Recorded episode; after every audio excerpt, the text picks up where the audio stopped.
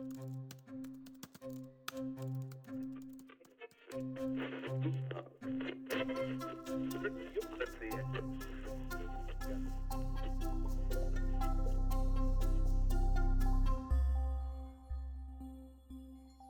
til dialogen. I dag har vi med oss Pia Aursand, som er psykologspesialist i familiepsykologi. Og hun jobber på Psykologvirket i Oslo. Hei til Pia. Spørsmål relatert til samliv eh, og kjærlighet. Eh, og litt forskjellig, egentlig.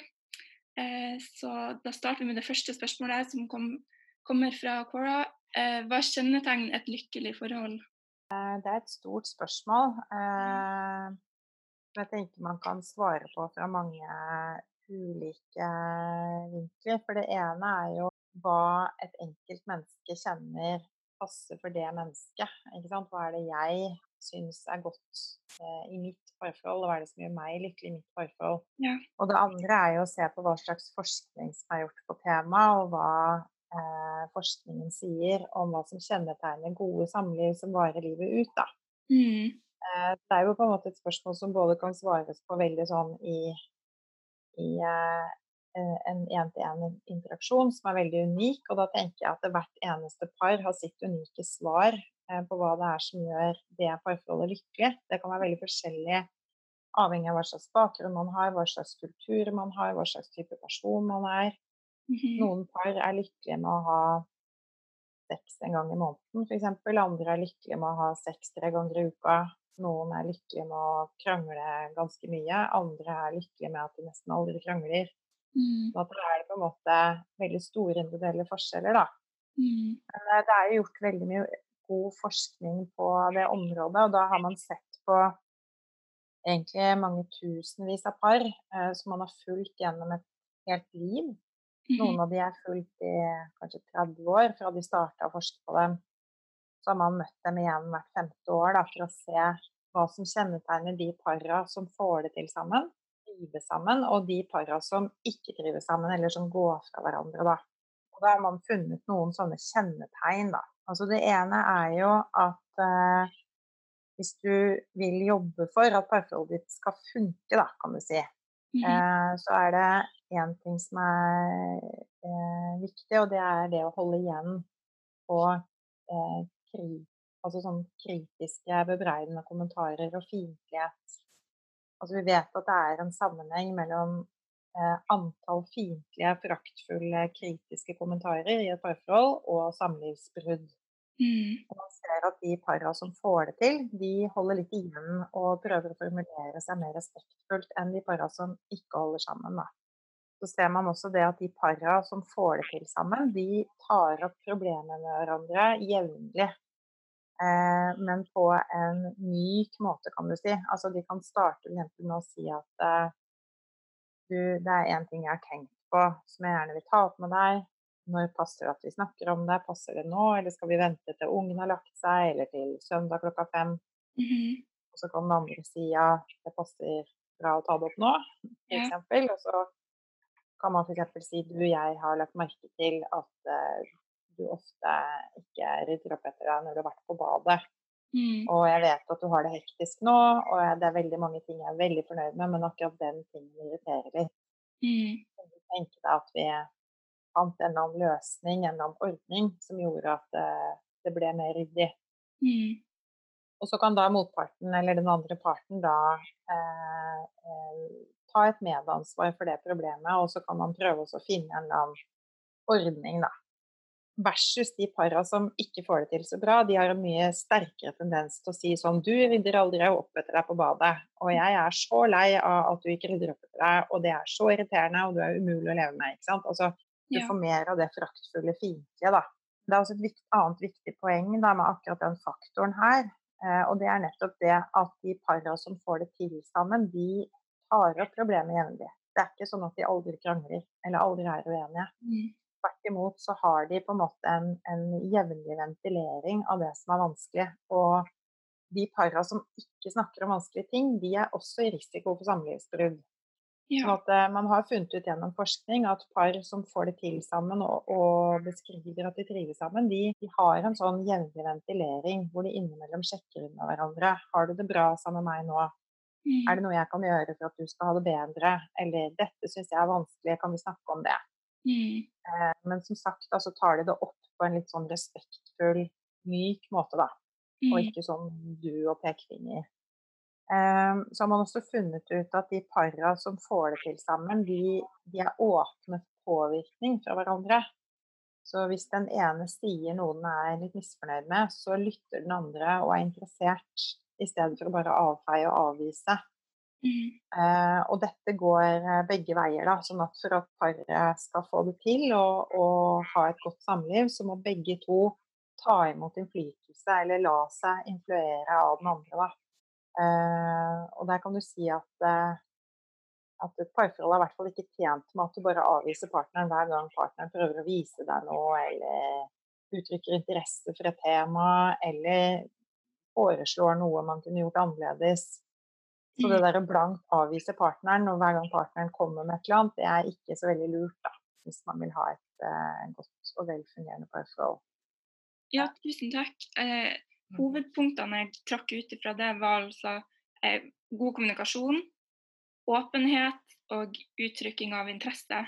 Ja, det er jo på en måte litt det. Jeg ville kanskje vært enda mer spesifikk, fordi at det er så mange som snakker om kommunikasjon. Ja. Eh, at man må ha god kommunikasjon, men hva er nå det, da? Ikke sant? Ja. Og det er jo akkurat derfor det er så interessant med den forskningen. fordi man har funnet ut hvilke faktorer som ligger under en kommunikasjon som fungerer, og som skaper gode samliv. da.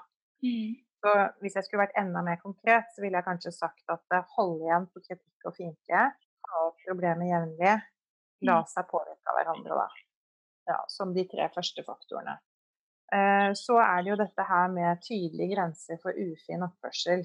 Altså det man har funnet ut, er at parforhold som har lav toleranse for ufinhet, på en måte. Altså da, da tenker jeg på alt fra eh, vold, krenkelser, eh, presse til sex, eh, overdreven rusbruk, altså overdreven drikking f.eks. Mm. Eh, det å eh, bruke altfor mye penger uten å ha råd. Eh, eller gå bak ryggen på hverandre med utroskap og sånne ting. Altså de parforholdene som har veldig tydelige grenser i forhold til sånne ting, de har en tendens til å vare lenger, da. Eller vare livet ut, kan du si. Mens eh, par som tidlig i parforholdet opplever sånne krenkelser og fortsetter sammen uten å på en måte få satt en tydelig grense, de går det dårligere med da. Så du kan si at trygghet i relasjonen er viktig da, og da tenker jeg på altså trygghet for eh, krenkelser, som kan være alt fra på en måte vold, utroskap, eh, seksuelt press, rusmisbruk og andre typer krenkelser man kan komme på da. Mm. Eh, og der er det jo selvfølgelig kulturforskjeller da, ikke sant? på hvor mye man utsetter hverandre for dette her, og hvilken vei det går. Altså det er jo mange land i verden hvor eh, kvinner f.eks. må finne seg i ganske mye av dette her. Eh, fordi at det ligger i kulturen at du skal f.eks. ha sex når mannen din ønsker det uten at du kanskje har lyst sjøl, eller at mannen din kanskje krenker deg, slår deg. Ja. Eh, så der er det jo litt sånn forskjeller, da. Mm. Og i vår del av verden eh, så er jo det her med likestilling et ganske sånn høyt ideal for mange, da. Mm. Eh, så det her vil være ganske sånn påvirka av kultur og hva man finner seg i, rett og slett. Rett og slett. Det er en del ting som man kanskje finner seg i i visse kulturer som man ikke ville funnet seg i i andre kulturer. Mm. Eh, så det tenker jeg er, eh, er eh, viktig å ha med da, hvis man skal vurdere hva er det som gjør meg lykkelig. Så handler det også om sammenligning med hva som foregår rundt en. Ja. Ikke sant? Eh, men når det er sagt, da, så vil jeg jo si det at vold eh, og seksuell vold også er skadelig uansett hvor i verden man bor. Det Mm. ikke, og det har også forskning på en måte vist. da. Ja. Eh, Så det er ikke sånn at eh, du tar mindre skade av vold hvis du bor i et land hvor det er mye av det. Akkurat, ja. Ja. Eh, Så er det også dette med reparasjon, da. Ja.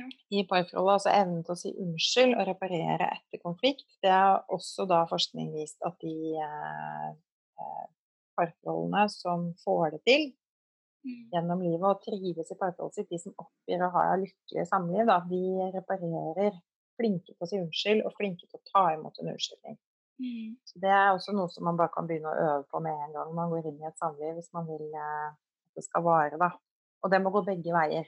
Mm. Det er ofte der hvor det er ubalanse, hvor det er den ene som sier unnskyld hver gang. eh, Det er ofte ikke nok, da. Det må gå begge veier. Akkurat. Eh, og så ellers er det jo alt dette som vi alle vet, ikke sant. Altså det å fylle på kontoen. Eh, hvis man tenker at hvert parforhold har som en slags kjærlighetsbank, da. Ja. Må du hele tiden fylle på saldoen. Og det må du gjøre daglig, jevnlig. Mm. Med komplimenter, med ros, med fysisk kontakt, kjærtegn. Eh, uttrykke beundring, le sammen, humor, felles interesser, gode samtaler, gjøre tjenester for hverandre. Alt dette her eh, er det som på en måte bygger opp kontoen, sånn at man også tåler at man av og til er uenige, da. Mm. Eh, og så er det også noe med at eh, vi vet at eh, en del parforhold blir satt veldig på prøve når de får små barn. Mm. Og vi vet at lykke, lykkeopplevelsen i et parforhold går ned når man har små barn. Men vi vet også at det snur når yngste barnet runder tre år. Mm. Eh, De fleste par går fra hverandre innen sju år etter at de ble sammen. Og det Mm. handler nok mye om at i løpet av den perioden der så rekker man å få små barn, da, som er en veldig belastning for et parforhold. Det er jo også et, et gode og en glede, men det er eh, noe som setter forholdet veldig på prøve, da, fordi at eh, man får ikke dekke alle behov. Mm. Eh, og det er ofte mye søvnløshet og mye ekstra oppgaver som må fordeles. Mm. Eh, så hvis du vil at parforholdet ditt skal, skal vare, så er det litt det der å senke ambisjonene mens man har små barn. Ikke Mhm. forvente å være verdens beste kjærester akkurat i den perioden der. Mm. Og, og vent på det øyeblikket hvor yngste barnet runder tre. Da går det oppover igjen, da. Okay. Ja. Tusen takk. Det var et uh, veldig godt og innholdsrikt svar.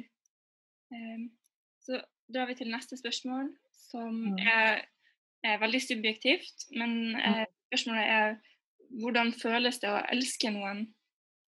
Ja, det er jo som du sier et subjektivt spørsmål. Og det er jo Det tenker jeg at eh, alle som har elska noen, kan bare svare ut fra seg sjøl. Mm. Eh, men noen ting vet vi jo, da. At det skjer jo en slags forandring i den mentale tilstanden når man er veldig forelska. Sånn i starten, den der forelskelsesfasen. Mange som snakker om at, da, at forelskelse gjør blind. Det er jo en klisjé med noe sannhet i. Ja. Fordi at uh, man kan uh, bli litt sånn blind for hva det er som egentlig foregår i et samspill, eller man kan også uh, ofre mye mer enn det man ellers ville ha gjort hvis man er forelska. Mm. Det er også veldig mange som kan kjenne seg igjen i at det kan kjennes ut som en rus. At du ikke er sulten, ikke er trøtt, at du har masse overskudd og energi. Mm. Eh, så vet man jo Er det også mange av oss som vet hvordan det er å være ulykkelig forelska. Altså hvor utrolig energikrevende det er å være forelska i noen som ikke er igjen eller følelsene. Men jeg tenker at det å elske noen sånn over tid, eh, det handler veldig mye om den følelsen av å være et oss, et vi, Mm. som er noe mer enn deg sjøl. Altså at du er en del av en større helhet. Da. Ja. Og at eh, eh, den, den beste beskrivelsen av det er kanskje at du kjenner eh, en tilhørighet som er varig, og som er trygg, Mm. og som også varer utover eh, når man er sammen. Altså at også at når man er alene, så kan man kjenne på den tilhørigheten og kjenne at man er en del av noe større, eller en del av et, vi.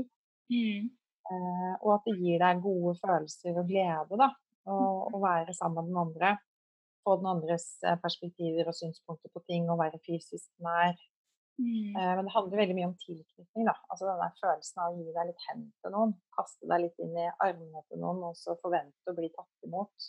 Ja. Eh, Jeg tenker at Det er kanskje det beste svaret jeg kan komme. Og det henger kanskje veldig mye med de eh, gode symptomene du nevnte på det forrige spørsmålet. Um, Mm. langvarige, de langvarige følelsene eller kjærligheten som forsterkes gjennom det i det forrige spørsmålet. Eh, så er neste spørsmål hva er det mest verdifulle du har lært om forhold? Det mest verdifulle jeg har lært om Altså du tenker gjennom jobben? Eh, ja, Som gjennom å jobbe med par? Ja. ja i, i din karriere, da. ja.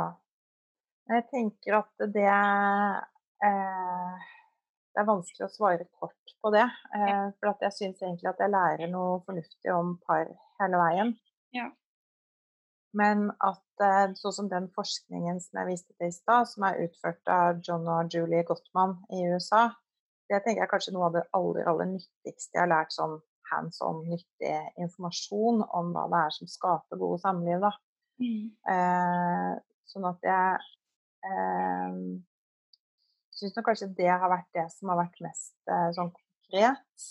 Mm. Eh, og eh, en annen ting som har vært veldig nyttig, har vært å erfare gjennom jobben at eh, man kan øve på ferdigheter i et parforhold. Altså man kan øve på å bli bedre på reparasjon, eller man kan øve på å ta opp ting med hverandre på en mykere måte. Mm. Eh, jeg tror nok at mange har et litt sånt bilde av kjærligheten som jeg også selv hadde før jeg begynte å jobbe med par, som var litt sånn at enten så er det bra, eller så er det ikke det, og da må man gå fra hverandre. Som er litt sånn en veldig sånn overforenkla modell, da. I stedet for å tenke at, eh, at eh, et samliv går opp og ned gjennom hele livet. Og det vil være gode perioder, og det vil være vanskelige perioder. Og i vanskelige perioder så kan man trene og øve i terapi eh, på å bli bedre partnere for hverandre. Mm. Eh, og man kan også eh, faktisk Noe av det som jeg syns er mest fascinerende, er jo det at man kan reparere gamle relasjonssår som man har med seg i bagasjen fra egen oppvekst, f.eks., i et kjærlig og trygt parforhold. Mm. Og eh, den eh, effekten eh, et menneske har av å være i et kjærlig og trygt parforhold, det er det ingen terapi som kan matche. Det Mm. tenker jeg er noe av det beste som fins av, av reparasjon og, og kilde til psykisk velvære når det fungerer, da. Ja. Eh, ja. Mm. Tusen, tusen takk. Så har vi et spørsmål. Eh, må en potensiell partner utfordre din intelligens? Så ja, kan du eh, profesjonelt si om det er en viktig faktor for at et parforhold skal fungere? Eller eh, leve? Ja, nei, det tenker jeg nok er et veldig subjektivt eh, behov, eh, som noen vil ha veldig behov for, og andre ikke. Mm. Eh, det er nok litt sånn at eh, i hvert fall i denne delen av verden, da, så hvor vi velger partner selv, og det må vi jo huske på at det er jo ikke sånn overalt. Nei. I store deler av verden så er det ikke vanlig at man velger partner på bakgrunn av hvem man har blitt forelska i gjennom et møte. Mm. Altså veldig mange steder så er det helt vanlig at det er foreldrene som eh, velger partner sammen med deg, eller at du får tilbud om ulike kandidater, og ja. at du kanskje ikke kjenner partneren din noe særlig godt før man blir sammen, da. Mm. Eh, sånn at jeg tenker jo at det der å velge en partner som utfordrer din intelligens, det hører på en måte litt til denne delen av, av verden, altså den Ja. individualist, kulturelle, vestlige delen av verden. Ja. Jeg tenker nok det at, eh, at for noen så er det veldig viktig, for andre så er ikke det viktig i det hele tatt. Og mange par lever godt med at de er helt ulike på den dimensjonen der. Mm. Eh, Men det er nok et ideal for mange. Altså Det handler jo litt om dette likestillingsidealet, da. Mm. At eh, det er nok mange par som eh, ville ja, kanskje kjenne det litt som et nederlag hvis ikke partneren er oppegående nok. Eh, kan jo handle om sosiale lag man vanker i. Hvis man selv er høyt utdanna og har masse høyt utdanna venner, og så blir man sammen med noen som har lavere utdanning, så Mm. vil det kunne ses på som et litt sånn sosialt nederlag, da. Mm. Eh, Men jeg tenker alt handler om hva slags type miljø man er i, og også hva man tiltrekkes av da, hos den andre. Eh, og i vår del av verden, hvor vi velger partner eh, selv, så er det en tendens til at like barn leker best. Altså at de para som er like, altså at de er litt like da, på f.eks. intellektuell kapasitet, fungerer bedre sammen. Mm. Og så er det nok fortsatt en sånn rest igjen fra tidligere tider at menn kan ha et høyere utdanningsnivå enn kvinner Ja. uten at det byr på så store problemer, mens det motsatte ikke er så bærekraftig, da. Mm. Mm. Da har vi den tendensen med menn som, eh, som ikke får Altså lavtutdanna menn som ikke får seg kjæreste, f.eks. Ikke sant? At, eh, at kvinner med høyere intellektuelle evner ikke Ja. velger en mann som er lavere utdanna, da. Ja. Tusen takk. Eh, Så er spørsmålet hvorfor frykter jeg ofte at jeg ikke er god nok for min partner? Det er et godt spørsmål, og det er jo litt sånn i kjernen av hva som er viktig i et parforhold. Da, ikke sant? At eh, kan si at et parforhold det er en, det er en nær tilknytningsrelasjon. Dvs. Si at eh, tilknytningsapparatet vårt blir veldig aktivert. Og det er jo der for egentlig å sikre overlevelse når vi er små barn og vi trenger foreldrene våre for å overleve.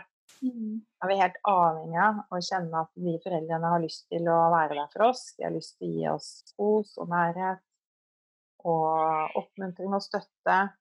Mm. De er interessert i å gi oss mat og klær og alt vi trenger, og trøst og beskyttelse for at vi skal overleve. Og da er det jo helt reelt at vi dør hvis vi ikke får den omsorgen, ikke sant. Mm. Når vi går inn i et parforhold som voksne, så dør vi jo ikke hvis ikke partneren vil ha oss, men det kan likevel kjennes litt ut som at hvis vi ikke er gode nok for partneren, så er det, det er fryktelig ubehagelig, da. Det, er, det kan kjennes litt ut som at ikke at man dør, men at man er i Det kan kjennes truende, det kan kjennes ut som at man er i fare. Mm. Um, så det å ikke kjenne seg god nok for partneren, det, det vekker, vekker veldig, veldig, veldig sterke følelser hos oss. Mm. Fordi vi er i en nær tilknytningsrelasjon, og kroppen vår har begynt å venne seg til at denne relasjonen er jeg avhengig av. Den trenger jeg for å overleve, på en måte. Selv om ikke det stemmer helt i, i praksis, da. Ja.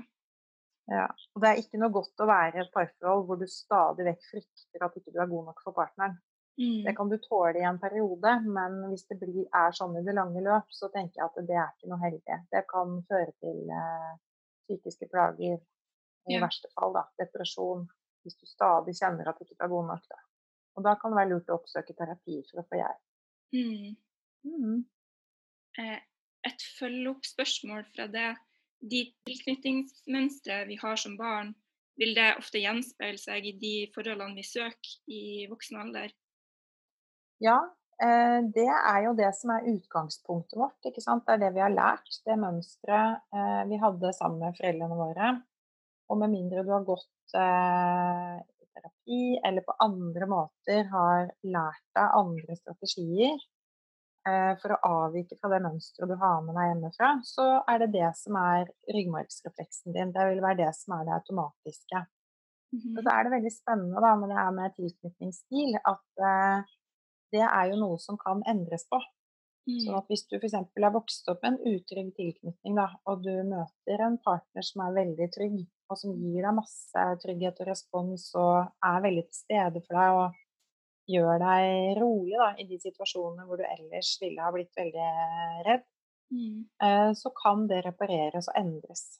Og det er jo noe av det som gjør det veldig spennende å jobbe med par, eh, syns jeg da, som psykolog. Eh, det er jo at, eh, at jeg ser den reparasjonen i veldig mange av de para som jeg møter. Mm. Og at det er mulig, og at det gir folk veldig mye håp. Da. At eh, Mm. selv om jeg fikk en dårlig start i livet, så trenger ikke resten av livet å bli sånn. Mm. Eh, Jeg kan faktisk få til en veldig god og trygg relasjon til en partner, og også få til å være en bedre forelder for barna mine enn det mine foreldre var for meg. Mm. Så det er noe av det som er veldig eh, nydelig å se. Da. Dette er ikke hogd i stein, det er mønstre som kan endres på. Akkurat. Mm. Så fint. Tusen takk. Um, så hopper vi til kjærlighetssorg, og spørsmålet er uh, hva er sunne håndteringsmekanismer for kjærlighetssorg? Har noen spurt. Ja. Jeg tenker jo at kjærlighetssorg er noe av det vondeste vi opplever. Eh, Det er mange som snakker om det som uh, sorgen det ikke sendes blomster til. For at du har mista noen, men du har ikke mista noen for den oppmerksomheten som du egentlig trenger rundt det. da. Mm. Når du, når du, mister noen i dødsfall, så vil alle rundt bry seg veldig om deg og bry seg veldig om hvordan det går med deg. Og vi har seremonier ikke sant? For, for at du skal kjenne at du har en flokk rundt deg som er der og hjelper deg. Mm. Men når vi opplever et samlivsbrudd, så er jo ikke de Er det ikke noe sånn ritualer for det, da. Eh, så det som eh, eh, jeg tenker om det, er jo at eh, når vi blir avvist eh, i kjærlighet, og vi blir forlatt av partneren vår, så kan det jo kjennes ut som at du er helt mutters alene, da. Ikke sant? Mm. Altså at du det ene er jo at du kan kjenne at jeg klarer meg ikke uten den partneren. Men det kan også kjennes ut som at nå er jeg helt alene i verden. Så det er en veldig sånn sterk ensomhet ofte forbundet med kjærlighetssorg. Mm.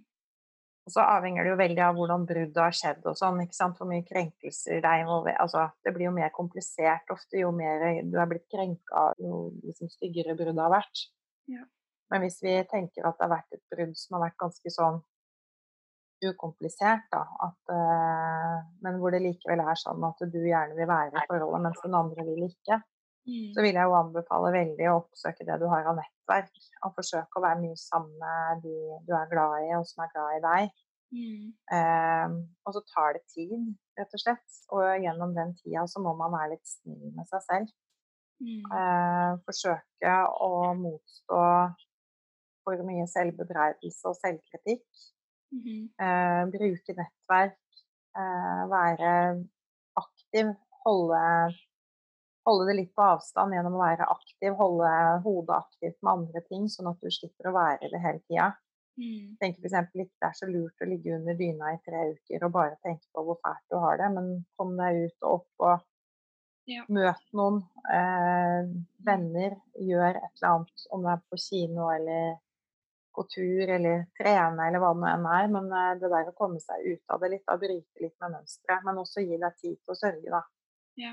Det er jo veldig mange som, eh, som prøver å, å, unnvike kjærlighetssorg gjennom å raskt gå inn i nye forhold. Mm. Eh, og det tenker jeg at det er ikke alltid det er det lureste, selv om det er forståelig, da. Fordi at det er også noe med å, å på en måte bearbeide den sorgen før du går videre i noe nytt, sånn at ikke det nye blir for mye farga av det du egentlig strever med. da.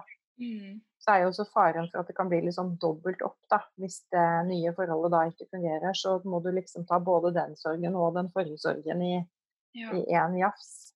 Mm. Fordi du ikke var helt ferdig med det første før du gikk videre til neste. Men det å date litt eller få oppmerksomhet fra andre og sånn, er jo lindrende, tenker jeg, for de fleste, da. Mm. Ja. Mm. Tusen takk. Um, ja, da, det kan kanskje henge sammen litt med det her spørsmålet som er hvordan ser en sunn skilsmisse, skilsmisse med et barn ut? Um, ja. ja. det henger nok litt sammen, ja. Fordi at det er klart at uh, i den grad den ene eller begge foreldrene er veldig overvelda av kjærlighetssorg, Eh, når man skal skilles og fordele barn, så vil jo barn selvfølgelig få det med seg og begynne å eh, eh, sams, altså Det som er liksom samspillet med foreldrene, mellom barna og foreldrene, vil bli veldig farga av at, eh, at foreldrene egentlig har nok med seg selv og ikke har så mye overskudd til å gi eh, barna det de trenger, da, ikke sant? Ja. Eh, du kan si at eh, barn merker jo veldig fort hvis det er sånn at den ene ikke ville være sammen lenger, mens den andre ville det. Så mm. merker de det. Det går ikke an å skjule det helt for barn. da. Mm. Så litt avhengig av barnas alder, så kan det være greit å snakke med dem litt om det. Hvis de er større, så går det an å si at eh, Jeg regner med at dere allerede har merka at det var pappa som ville flytte fra meg, og jeg ville egentlig ikke det. Mm. Eh, men at man skal være ekstremt eh, varsom med å bebreide den andre for bruddet. Mm. For det går barna rett inn i, og det blir en lojalitetskonflikt for dem som ikke de klarer å håndtere. Mm. Eh, og man skal også være veldig forsiktig med å gjøre seg selv til et offer overfor barn. Det er Mm. viktig å si til barn, og også gjøre alvor av det, at jeg klarer meg gjennom dette. Jeg har gode voksne rundt meg, Mm. eller jeg får hjelp til å snakke om dette hos en ekspert. Sånn at barna kjenner at ikke de trenger å ta vare på deg da, som forelder fordi du har kjærlighetssorg. Mm. Og det foregår nok ganske mye, hva skal jeg si, eh, dårlig omsorg for barn i kjærlighetssorgens navn, da, kan du si, Mm. dessverre.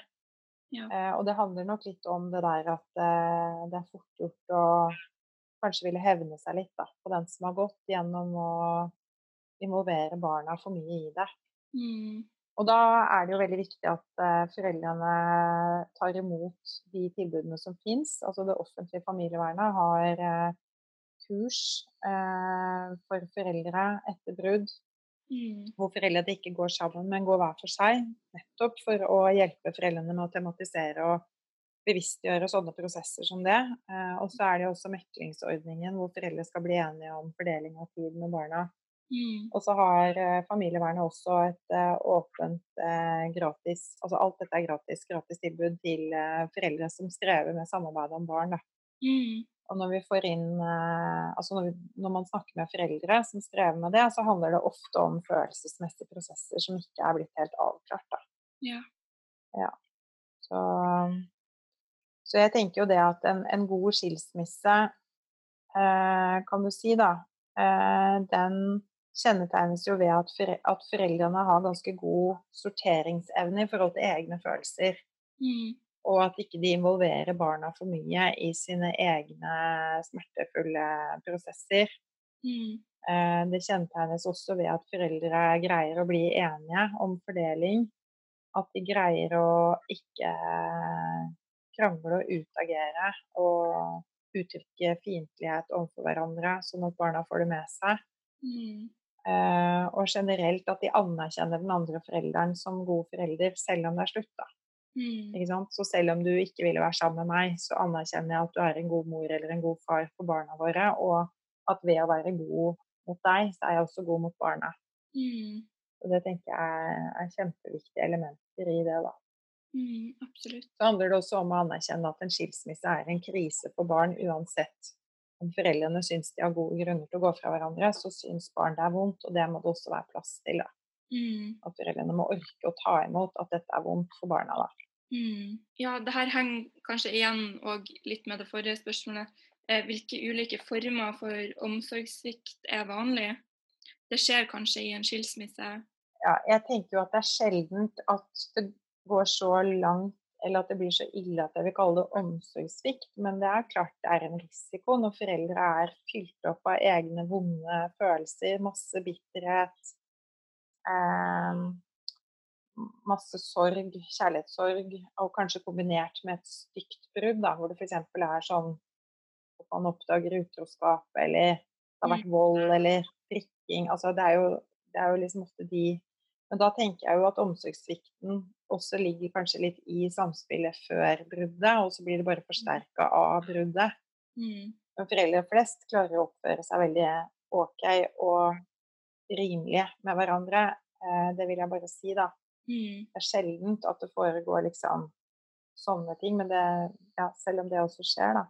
Men det ene er jo omsorgssvikt som, som kommer som en følge eller som i kjølvannet av et brudd. Men det andre er jo omsorgssvikt ellers, da, i familier som også holder sammen. Mm. jeg vet ikke om det var det du Hvilke ulike former for omsorgssvikt er vanlige? Ja.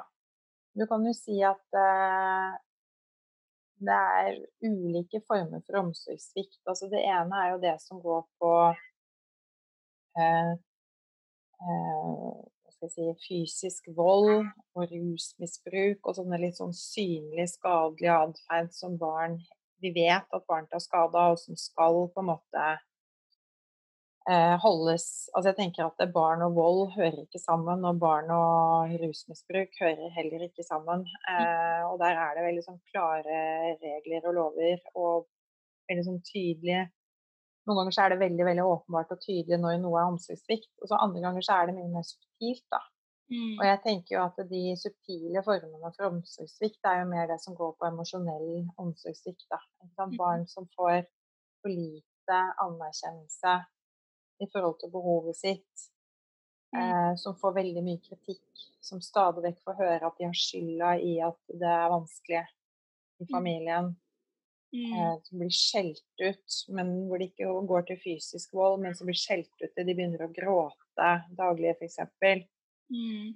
Um, eller eh, der hvor barna blir manipulert, Mm. eh, eller hvor foreldre er ganske sånn skadd sjøl uh, i sitt tilknytningsmønster, og så bare overfører det videre på barna uh, uten å reflektere over det. da.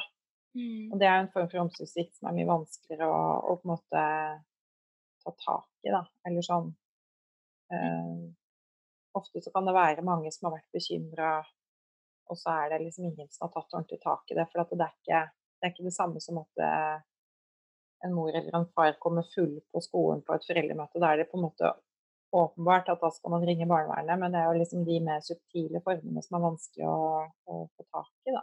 Men det er jo også en form for omsorgssvikt når foreldre er så bundet opp i sin egen konflikt etter samlivsbrudd at ikke de klarer å ivareta barnas behov. Mm. Og det har jeg jo sett eksempler på, hvor foreldre er så i konflikt at de, at de ikke klarer å ta vare på barna fordi det viktigste blir å vinne den diskusjonen eller, Mm. eller ta den andre eller hevne seg. Eh, og, og at barnas behov for trygghet og ro og, og for å ha et foreldresystem som fungerer, da, eh, eh, det blir ikke ivaretatt. Mm. Tusen takk. Her er òg et spørsmål som henger litt sammen med det du har snakka om. Eh, hva, er gode måter å jobbe med skam knytta til vanskelige familierelasjoner? Mm. Eh, Ja. Så Det er et fint spørsmål. Ja, for det er jo litt sånn at eh, det er jo et, eh, et eh, en sammenheng eh, mellom å ikke få til familierelasjoner og skam. Altså Mm. det, er, det er i samfunnet vårt et sånt ideal om at du skal ha gode relasjoner rundt deg. Og Mm. du skal få både parforholdet ditt til å fungere, og du skal ha en god relasjon til barna dine, og til helst svigerfamilien og egen opprinnelsesfamilie. Mm. Eh, og den skammen kan jo noen ganger gjøre at folk blir værende for lenge i noe som egentlig ikke er bra for dem, da. Mm. Det har i hvert fall opplevd mye i terapi, at uh, f.eks. at det kommer par, og så beskriver de et uh, veldig vanskelig forhold til den enes uh, foreldre. Og så kommer det frem mer og mer at de egentlig er utsatt for ganske grov trakassering uh, og manipulasjon. Eh, og så har de aldri sett på det på den måten, eller de har på en måte ikke fått eh, snakka ordentlig med noen om det, sånn at de skjønner hvor ille det egentlig er det som foregår. Da, og hvor de kanskje selv kommer fram til en konklusjon at her må vi bryte kontakt. Mm. Eh, sånn at noen henger jo for lenge i, da, tenker jeg, noen sånne familiære relasjoner fordi de syns det er skamfullt å bryte. Og, og de syns også det ofte det er veldig skamfullt etter et sånn type brudd å si at Mhm. nei, jeg har ikke kontakt med broren min, eller jeg har ikke kontakt med moren min fordi Mm. Han eller hun ikke har behandla meg noe bra eller vært greie med meg, ikke sant. Mm. Eh, samtidig, hvis man hadde hvis, hvis man hadde kunnet spørre da, eh, 100 mennesker på gata, så hadde man nok fått vite at ganske mange har et sånt brudd et eller annet sted i familien. Enten at det er to søsken som ikke snakker sammen, eller et søsken som ikke snakker med en av foreldrene, eller noen onkler som er i konflikter. Altså, Mm. det er jo ganske vanlig også i nære relasjoner å ha eh, litt sånn brudd i kommunikasjonen i en periode eh, i livet. Det er ganske vanlig gjennom et livsløp, da. Men det er noe med at, eh, at vi har en sånn idé om at eh, det å være vellykka også handler om å ha veldig gode, nære relasjoner. Og det kommer spesielt opp i forbindelse med jul, bursdager, påske, altså sånne type høytider og ferier og sånn, så kommer det ofte veldig opp Mm. eh, til overflaten det der at oi, hva skal vi gjøre nå, for å nærmer seg jul, og vi har ikke svart på denne invitasjonen fra svigermor. Og vi har jo egentlig ikke lyst til å dra, for vi vet det bare blir konflikt og fyll og Ja. dårlig stemning, ikke sant. Og så klarer man på en måte ikke helt å, å, å sette grenser, da. Mm. Så mm. Samtidig så tenker jeg jo det at eh, det- det også er jo liksom kulturelle, kulturelt betinga fenomener, da. Mm. Fordi at i en individualistisk eh, vestlig kultur, som jeg tenker den norske etniske kulturen er et eh, eksempel på, så er det også høyere toleranse for å ikke være så mye sammen med familie. Altså det å bryte helt kontakt er skamfullt, men det å ikke ha så mye kontakt, det er det ganske mange som holder på med. Mm. Og i store deler av verden så er det helt uaktuelt. ikke sant? Der er det på en måte altså I kollektivistisk kultur så er familien og slekta det er ditt alt. Ja. Og du, du, har ikke noe du har ikke noe verdi hvis ikke du er en del av flokken din. Da, ikke sant? Mm. Sånn at det å løsrive seg fra slekta eller løsrive seg fra, fra familien har mye verre konsekvenser da, i, i kollektivistiske kulturer. Mm. Jeg ser jo også det at uh, du ser på sånn som LHBTIQ-miljøet, da. Mm. Altså der hvor uh, folk er, har en uh, annen seksuell orientering eller en annen kjønnsidentitet, altså skeive, da. Mm. Så er det jo veldig mange som har opplevd relasjonsbrudd i familien hvis de ikke har blitt godtatt der. Og de har jo en lang tradisjon, langt bakover i tid, på å få seg en ny selvvalgt familie. Altså det å skaffe seg sin egen flokk. Mm. Eh, det å ha venner som fungerer som familie, som man feirer jul med f.eks. og drar på hytta med i påsken. Og, ikke sant? Altså at de, jeg tenker det, det er jo også noe som kan repareres gjennom at man velger sin egen flokk. Da. Hvis den flokken man ble utdelt eller ble tildelt, ikke fungerer, så Mm. kan det repareres da, gjennom nye, gode relasjoner. Mm. Men det vil nok alltid være litt skamfullt, for jeg tror nok alltid at man vil se på det litt som et nederlag hvis man ikke får de der nære familierelasjonene til å fungere. Aller verst er det nok for foreldre som ikke har kontakt med egne barn, at det vil ses på som et veldig nederlag. For da, det, da tenker man at da tenker sikkert alle at vi er dårlige foreldre. Et til spørsmål som er eh, litt av eh, seriø mer seriøs art som de her. Eh, hvordan oppstår vold i forhold, og hvordan kommer noen, noen seg bort fra en voldelig relasjon? Det jeg har lyst til å si der, da, det er jo altså litt i tråd med det vi starta med, da, at gode samliv de kjennetegnes ved at, eh, at eh, krenkelser og grenseoverskridende atferd ikke godtas. Da? Mhm. Sånn at eh, det er jo ofte sånn at man At mange eh, tidlig i et parforhold vil velge seg vekk fra det parforholdet hvis de merker at her skjer det stadig vekk eh, overskridende atferd. Så da snakker jeg om Ja, det kan jo være utskjelling daglig, altså. Eller, eh, eller, eller annet ukontrollert sinne, da. Mm. Så er det også noe med at hvis du har rukket å bli glad i noen først, eh, og du har rukket å liksom inngå den nære tilknytningen, så kan det være veldig vanskelig å komme seg ut av selv om du skjønner at det er feil. Mm. Så jeg, jeg er veldig opptatt av å ikke eh, tenke at det er den utsattes skyld eller ansvar eh, at den blir utsatt for vold. Mm. Og det er heller ikke sånn at det er din skyld at du ikke kommer ut av det. For det er det noen logiske grunner til. Hvis du først har rukket å bli glad i noen, så skal det veldig mye til for å avvise det mennesket. Og spesielt hvis det er et menneske som både slår deg, men også har mange andre sider og egenskaper som du kanskje er tiltrukket av. Mm. Ikke sant? Eller at du kanskje til og med syns synd på den andre fordi du vet at de har hatt en vanskelig oppvekst eller opplevd mye traumer, eller at de sliter med noe i livet sitt Mm. så har du mye omsorg og mye omtanke og mye medfølelse, og da kan det være veldig vanskelig å bryte. Og det er ikke fordi noen kvinner liker å bli slått. Det tenker jeg man absolutt må vekke fra, da, som er en sånn 70-tallsmyte uh, som jeg tenker vi bare må slutte å operere med. Det er helt klart noen der ute som har vært utsatt for så mye krenkelser i barndommen at de stadig vekk oppsøker nye krenkende relasjoner. Mm. Eh, men det er ikke hovedvekten av de som blir utsatt for vold i et parforhold. Så jeg tenker vi må være, vi må være forsiktige med å skylde på den som blir utsatt. Da. Mm. Eh, men tenker liksom, det første jeg får lyst til å, å, si noe om, det er jo hva som er vold. Ja. Og at vold er mye mer enn fysisk vold, som er det som veldig mange forbinder med vold. Så tenker de å bli banka opp så du får blåmerker og sår og sånn. Mm.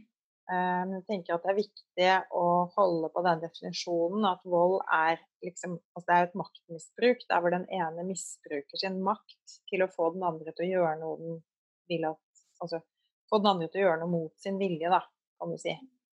Ja. Eh, så det er et mønster i at hvis ikke du gjør som jeg sier, eller lar være å gjøre det du gjør som jeg ikke vil at du skal gjøre, så Mm. får det konsekvenser av en sånn art at det blir skadelig for deg. Da. Mm. Og det kan være både fysisk vold, men det kan også være psykisk vold. Det kan være eh, verbal vold, altså utskjelling over tid. Holde folk våkne gjennom natta ved å skjelle ut og skjelle ut og skjelle ut. Det Mm. kan være eh, det vi kaller for trakassering, altså intens pågåenhet som gjør at den andre bare kjenner seg liksom mentalt kvalt, da. Eller psykisk kvalt, altså uten at det er noe fysisk, men at du bare kjenner at her, det her blir så intenst at her er det best å bare eh, eh, føye seg for å slippe unna, da. Eh, så tenker jeg det er viktig å nevne seksuell vold, for det er en type vold som ikke blir snakka så veldig mye om i forbindelse med vold. Og det er jo at du går med på sex fordi du ikke orker konsekvensene av å si nei. Mm. Fordi da vet du at du blir holdt våken hele natta, eller at det blir skjelling og smelling og slåing i vegger og liksom kasting av glass. Altså, det kan være ulike konsekvenser det har, men at de konsekvensene er så ille at ikke du orker å si at du ikke har lyst, og heller bli med på sex. da. Mm. Eller at du blir tvunget til å gjøre ting du ikke har lyst til. Så er det jo det her med eh, altså sånn Jeg tenker jo innenfor psykisk vold så går jo også sånn sjalusi, kontroll. At du ikke får lov til å snakke med de du vil, at du blir fulgt med på. Det fins jo sånne apper som jeg vet eh, folk har drevet installert på telefonene til hverandre, hvor det er sånn overvåkning mens du er på jobb, hvor du blir avlytta. Mm. Eller at, eh, blir, at du stadig vekk blir ringt til for å liksom avgi rapport om hvor du er og hvem du er med. Mm. Eh, noen er jo vikla inn i sånne mønstre hvor de må ta bilde hele tiden av hvor de er og hvem de er med, og så sende til partneren for at partneren skal kjenne seg eh, trygg på at du ikke er med noen andre enn den du sier. Eh, og så i forbindelse med litt sånn kollektivistisk kultur som vi snakka om tidligere, da, så er jo æresrelatert vold også en form for familievold eller relasjonell vold. Mm. Hvor det handler om at du må oppføre deg sømmelig. Hvis ikke så kan du bli utsatt for eh, alvorlige eh, voldelige handlinger. da. Mm. Eller, eller krenkelser. Eller bli sperra inne, rett og slett. At ikke du får gå ut. da. Mm. Uh, ja. Så det, det er liksom det ene jeg tenker litt, at det er viktig at folk vet litt om hva som er, hva er vold, og hvor, hvor omfattende det egentlig er. da, At ikke det bare handler om den der eh, blåmerker, sår, Ja. eh, slå på kroppen, på en måte, men at det også handler om annen type eh, skadelig atferd som kommer for å tvinge deg til å gjøre noe du ikke har lyst til Mm. eller å, å la være å gjøre noe du har lyst til. Ikke sant? Mm. Eh, og dette her er jo sånn samspill som ofte Ofte så på en måte kommer det gradvis og snikende i starten av et parforhold. Og hvis du har rukket, sånn som jeg sa, da, å, være, å bli nær tilknytta en person, eller bli glad i en person, så kan det være veldig vanskelig å komme seg ut.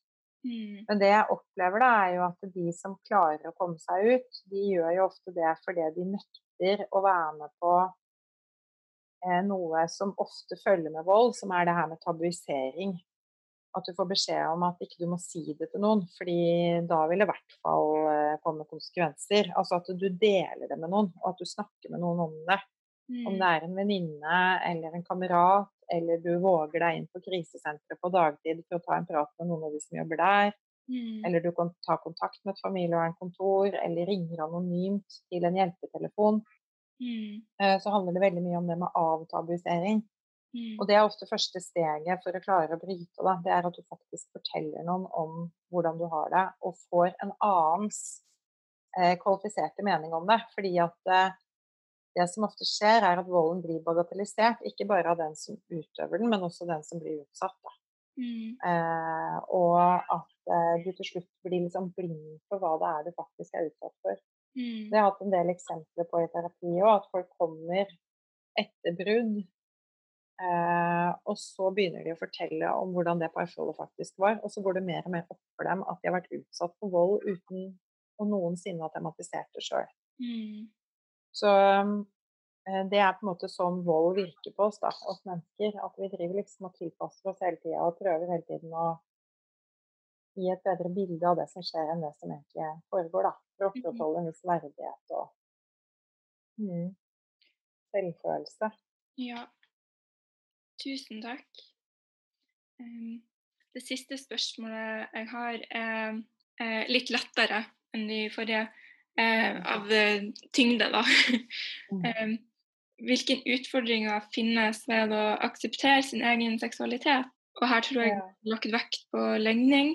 Ja, nei, det er jo et, eh, et eh, Det er jo, som du sier, et litt lettere tema, men samtidig også stort og sårt og vanskelig. Og veldig kulturavhengig og veldig by- og landavhengig. Ja. Eh, Det avhenger også veldig av hva slags type familie du har vokst opp i, og hvor stor takhøyde det er der i forhold til aksept. Mm. Og jeg vil jo si at jeg har jo møtt unge mennesker som har vokst opp i relativt store byer i Norge, Mm. eh, og likevel har eh, Altså som er født på å si 80-90-tallet, og likevel har opplevd å bli ganske avvist, da. Mm.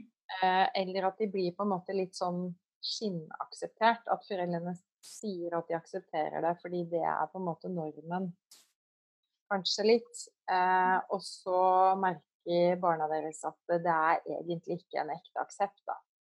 Og det tenker jeg det er eh, Altså det, det som jeg syns som personlig, som berører meg litt som personlig i det, at jeg tenker at det er litt livsfarlig når unge, sårbare mennesker oppdager at de, de er skeive eh, på en eller annen måte, om det handler om kjønnsidentitet eller seksuell orientering, Mm. så er det på en måte litt livsfarlig at ikke de bare blir møtt med kjærlighet når de kommer ut, da. Mm. Eh, fordi at eh, vi vet jo at eh, det er for høye selvmordstall og når det gjelder selvskading og en del sånne ting. Sånn at det, det er på en måte litt sånn livsviktig eh, at de blir møtt. Og samtidig vet vi at veldig mange ikke eh, blir det. Mm. Og jeg tror jo at, eh, at eh, barn som vokser opp i trygge, gode familier hvor det er mye kjærlighet og raushet, og hvor de tidlig i livet får vite at selv om du gjør noe som jeg kanskje ikke er helt enig i heller, Mm. så vil jeg elske deg uansett. Mm. Eh, Den beskjeden tenker jeg øker sjansen for at eh, unge kommer ut med sin legning og er kanskje ikke så livredde for ikke å få støtte, da. Mm. Mange vil være det uansett, fordi at, eh, at det er såpass eh, stort. Eh, og det er én ting er jo foreldre, at man kanskje kan tenke at ja, jeg blir kanskje akseptert av foreldre, men hva med samfunnet for øvrig? Vil de dømme meg? Vil vennene mine dømme meg? Hvordan vil det bli tatt imot på skolen? Og så Mm. videre, da. Og så heldigvis så går jo verden framover, da. Jeg vil jo si det med pride og Ser jo bare liksom hvor mange flere som deltar i, i pride, og hvor mange flere sånne pride-festivaler det er rundt omkring i landet vårt, da. Mm. Og så er det jo igjen noe med kultur der, da. Vi nevnte jo litt det her med æresrelatert vold tidligere, og det er klart at eh, skeive muslimer eh, er jo et tema her i forhold til sårbarhet. Eh, men, ja, og generelt skeive fra kollektivistiske, kulturelle familier eh, vil nok ha eh, mye høyere terskel, og det vil også være vanskeligere å komme ut fordi at det innebærer så mye skam da, på familien i kulturen. Eh, og vil eh, ses på som tapt ære i, i mange familier. Ikke alle, altså absolutt. Det går framover Mm. eh, der òg, som i resten av verden. Men, men det vil være eh, et sånt tema som gjør at de blir ekstra sårbare, da. Mm. Ja. Nå vet jeg ikke om jeg svarte helt på spørsmålet ditt, men eh, Eh, jo, det, det vil jeg si Du forklarte eh, utfordringene ved å ja, akseptere den. ja. Har du noen eh, Har du noen eh, guidelines eller noe til hvordan de aksepterer det når de kommer seg over utfordringene? Altså til foreldrene, tenker du da, eller de unge som har kommet ut? Altså å akseptere seg selv, tenker Ja, du? de unge. Ja. ja. Jeg vil jo anbefale at man oppsøker de eh, gode organisasjonene, hjelpeorganisasjonene og miljøene som finnes der ute, sånn som FRI, som er en organisasjon for skeive, som eh, har masse forskjellige eh, aktiviteter og grupper hvor folk, unge mennesker kan møtes og eh, møtes sosialt for at de skal kjenne at de har et fellesskap. Og det samme med mennesker som føler seg født i feil kropp. Så fins det interesseorganisasjoner, Høyre Benjamin ressurssenter. Det Mm. fins eh, Skeiv Ungdom, det fins Sex og Samfunn. Altså det er mange forskjellige, spesielt i Oslo da, så er det ganske sånn Det er mange steder man kan ta kontakt. Mm. Og det finnes også hjelpelinjer, altså telefoner hvor man kan ringe. Og jeg vil anbefale eh, unge mennesker som sliter med å akseptere sin egen legning, så vil jeg anbefale dem å komme inn i et miljø hvor de kjenner at de blir akseptert akkurat sånn som de er, og hvor de får masse påfyll på at du er bra nok som du er, uansett hvem Mm. du elsker, eller hvilket kjønn du identifiserer deg med, eller hva det nå enn eh, Ja, ikke sant. At du- er fin sånn som du er, da. Mm. Eh, Så jeg tror jo det vil være til hjelp for veldig mange, og også livreddende i mange sammenhenger. Mm. Og hvis ikke du har noe sånt i nærheten, så vil jeg jo anbefale å kontakte en terapeut. Da. En eh, psykolog man kan snakke med om, om at man har vanskeligheter med å akseptere seg selv. Mm. Eh, Men jeg tror nok at der vil nok den sosiale faktoren være ekstra viktig. Da. Det å møte andre i samme situasjon og se at de kan elske seg selv, altså som et forbilde. Da. Mm. Så, så tenker jeg nok at det er veldig viktig, den community-faktoren. Da. Mm. Tusen takk. Det er alle spørsmålene jeg hadde til deg. Tusen takk for så mange fine svar, um, og at du stilte opp i dag. Em, så det var Pia Aursand, som er spesialist i familiepsykologi og jobber psykologvirke i Oslo. Tusen takk, Pia.